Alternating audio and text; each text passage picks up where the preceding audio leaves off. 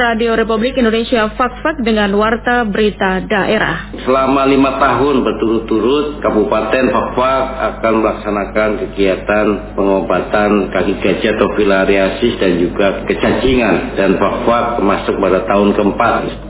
Jadi kita harapkan dengan perhatian ini masyarakat bisa membuat balsam pala, kemudian bisa membuat VCO secara baik dan ini bisa meningkatkan pendapatan daripada masyarakat sendiri.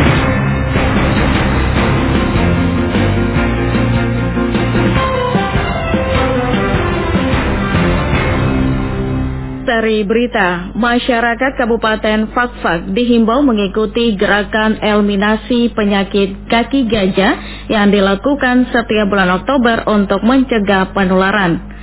Sebanyak 20 peserta yang berasal dari Training of Trainers atau TOT kemarin mengikuti pelatihan pembuatan virgin coconut oil atau VCO, herbal atau minyak kelapa murni, dan balsem pala. Itulah berita utama pagi ini selengkapnya bersama saya Khatijah Baco.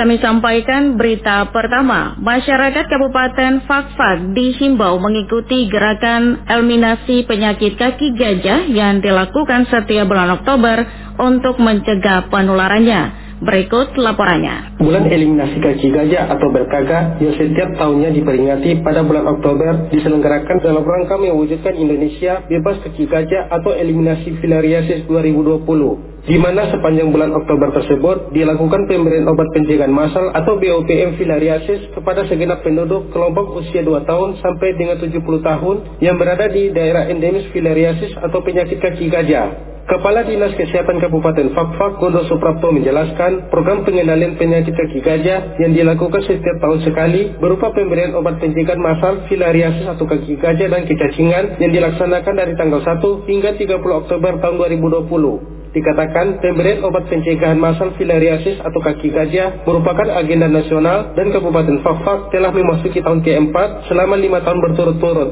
Selama lima tahun berturut-turut, Kabupaten Fakfak akan melaksanakan kegiatan pengobatan kaki gajah atau filariasis dan juga kecacingan. Dan Fakfak masuk pada tahun keempat tahun. Selanjutnya bahwa di tahun ini juga bersamaan dengan program distribusi kelambu masal yang terintegrasi tadi dengan pemberian obat pencegahan masal filariasis dan kecacingan dan pelaksanaannya juga sama dan ini didistribusikan nanti ke seluruh masyarakat. Untuk kelambu masal ini adalah distribusi dari pusat yang nanti dibagikan kepada kelompok tidur ataupun sasaran dengan jumlah yang dikirim sebanyak 43 ribu dan target yang dicapai adalah 80% dari jumlah penduduk. Sedangkan untuk pengobatan filariasis dan kecacingan ini nanti juga akan dilaksanakan bersamaan dengan pemberian kelambu dan atau distribusi itu sasarannya adalah masyarakat yang berumur 2 tahun sampai 70 tahun. Sementara Nani Sri Untari,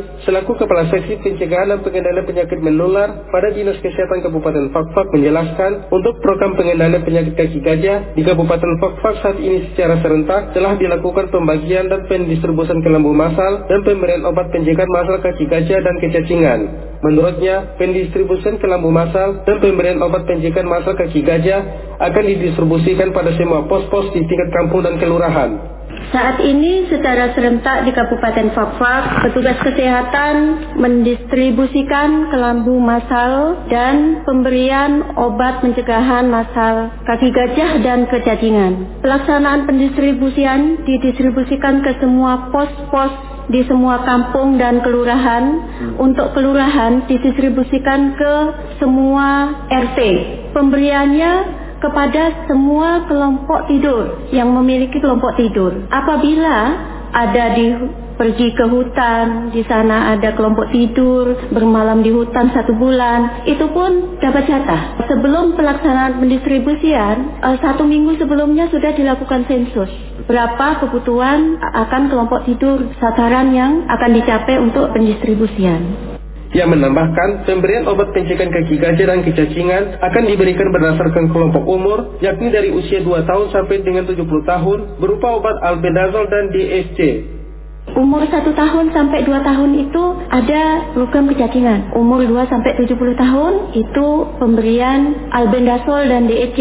Itu berdasarkan kelompok umur dari umur 2 sampai 3 tahun ada dapat satu tablet 4 sampai 6 tahun, 7 tahun sampai 12 tahun ya, eh, 16 tahun, kemudian sampai seterusnya itu ada pembagiannya tersendiri. Cara pemberian obat dosis DEC 6 mg per kilogram berat badan, albendazol 400 mg untuk semua umur, sekali pemberian. Caranya ini diberikan sekali setahun selama minimal 5 tahun berturut-turut. Adapun perhitungan dosisnya obat berdasarkan umur 2 sampai 5 tahun itu DEC 1, kemudian albendazol 1 tablet, kemudian 6 sampai 15 tahun DEC 2 tablet, albendazol 1 tablet, kemudian di atas 15 tahun DEC 3 tablet dan albendazol 1 tablet. Program pemberian obat pencegahan masal kaki gajah dan kecacingan yang dilakukan selama lima tahun berturut-turut ini sangat bermanfaat karena menghindarkan masyarakat dari dua penyakit sekaligus, yakni penyakit kaki gajah dan menurunkan infeksi cacing. Oleh karena itu, dihimbau kepada masyarakat Kabupaten Fakfak untuk mendatangi pos-pos yang telah ditentukan sebagai tempat pemberian obat kaki gajah dan diminum di depan petugas. Sedangkan untuk program kelambu masal akan didistribusikan pada kelompok tidur dan diharapkan kelambu tersebut dapat meminimalisir penyakit malaria yang juga sebagai salah satu penyakit mematikan. Januardi melaporkan.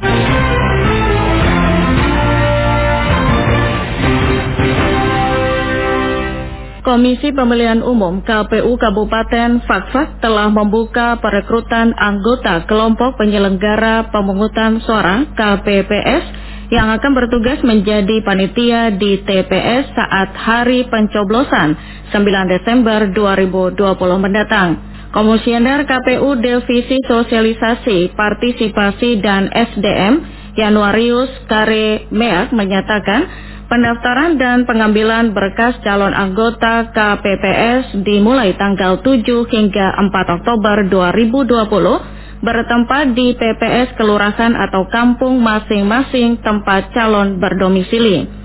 Sementara syarat menjadi anggota KPPS adalah warga negara Indonesia berusia minimal 20 sampai 50 tahun tidak menjadi anggota partai politik berdomisili dalam wilayah kerja KPPS serta berpendidikan minimal SMA atau sederajat. Ditambahkan Kerry setelah penyerahan berkas, selanjutnya dilakukan verifikasi berkas mulai tanggal 15 hingga 21 Oktober.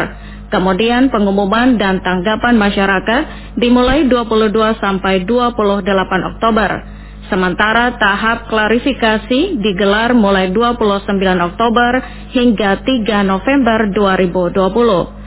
Sedangkan penyerahan berkas di KPU Fakfak dimulai 4 hingga 5 November. Dilanjutkan dengan pengumuman anggota KPPS yang lolos seleksi, penetapan dan pelantikan anggota KPPS.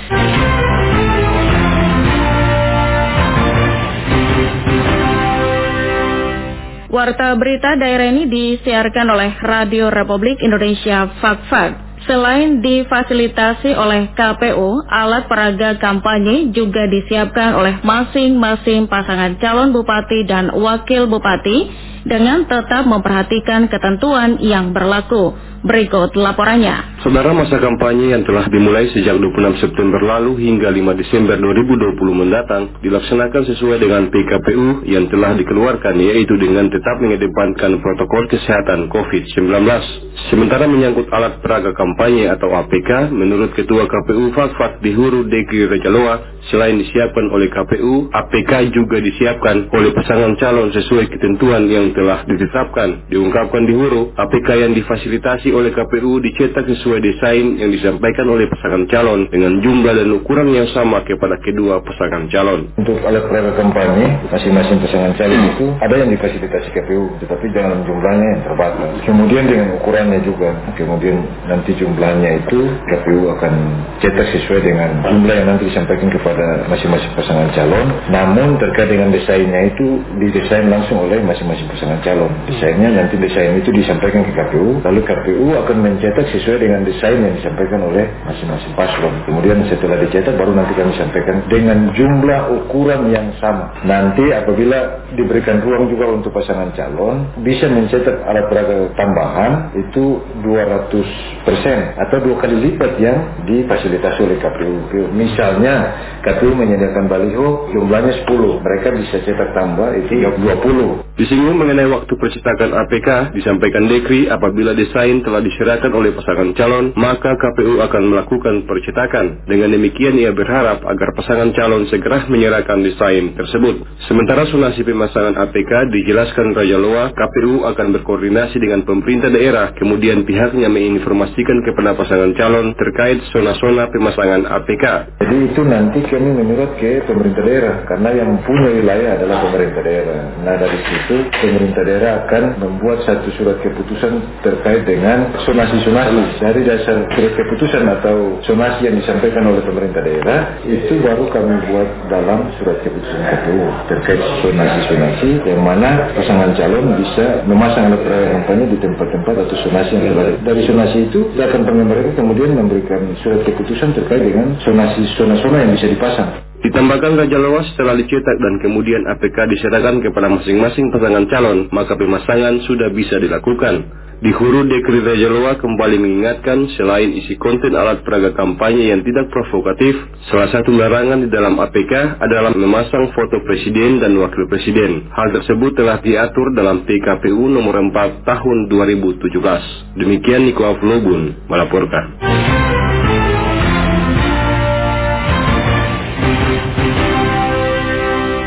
Kejaksaan Negeri Fakfak terus melakukan pemeriksaan dan pengumpulan alat bukti terkait kasus dugaan korupsi proyek pembangunan plaza kuliner di Kampung Ubadari dan pembangunan rambu-rambu pariwisata di Kampung Werpigan dan Air Besar.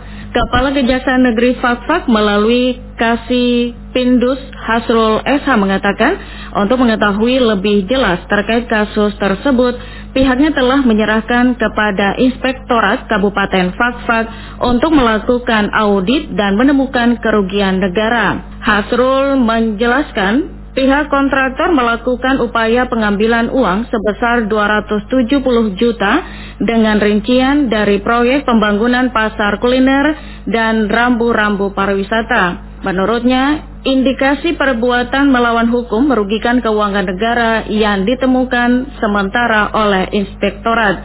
Namun mengenai ekspos penetapan status perkaranya masih menunggu hasil BPK dikarenakan harus mengambil opsi pembandingan dalam menghitung selisih kerugian tersebut.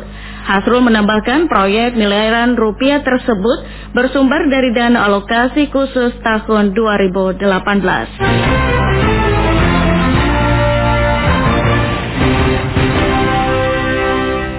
Sebanyak 20 peserta yang berasal dari Training of Trainers atau TOT kemarin mengikuti pelatihan pembuatan virgin coconut oil atau VCO, herbal atau minyak kelapa murni dan balsam pala yang bertempat di Dinas Perkebunan Kabupaten Fakfak. Dinas Perkebunan Kabupaten Fakfak bekerjasama dengan PT Mahkota Dewa Indonesia melakukan kegiatan pelatihan pembuatan VOC herbal atau minyak kelapa murni dan balsam pala. Kegiatan tersebut berlangsung sehari bertempat di Aula Dinas Perkebunan Kabupaten Fakfak.